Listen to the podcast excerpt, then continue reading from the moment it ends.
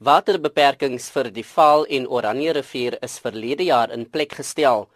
Na goeie reën is die Vaaldam 92% vol, die Van der Kloof 74% en die Gariepdam 82%.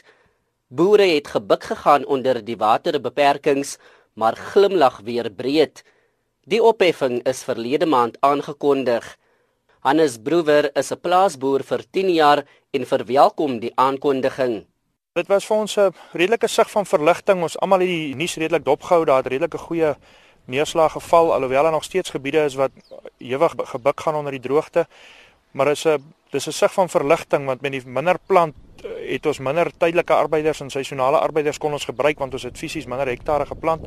So dis 'n sig van verligting dat die mense in die dorp glimlag weer as jy hulle sien. Dit was maar 'n moeilike tyd waardeur ons gekom het. Nog 'n boer, Hannes van Wyk, sê hoewel die situasie erg was, was daar nie nodigheid om werkers af te dank nie. Ons is baie dankbaar dat die waterbeperkings opgehef is na onderhandelinge met die departement en dat die die watervlakke sodanig verhoog het dat ons dit kan doen. Met die huidige beperkings het ons afgeskaal op produksie, maar ons het geen arbeid afgelê of so nie. So ons het probeer om almal daar te hou.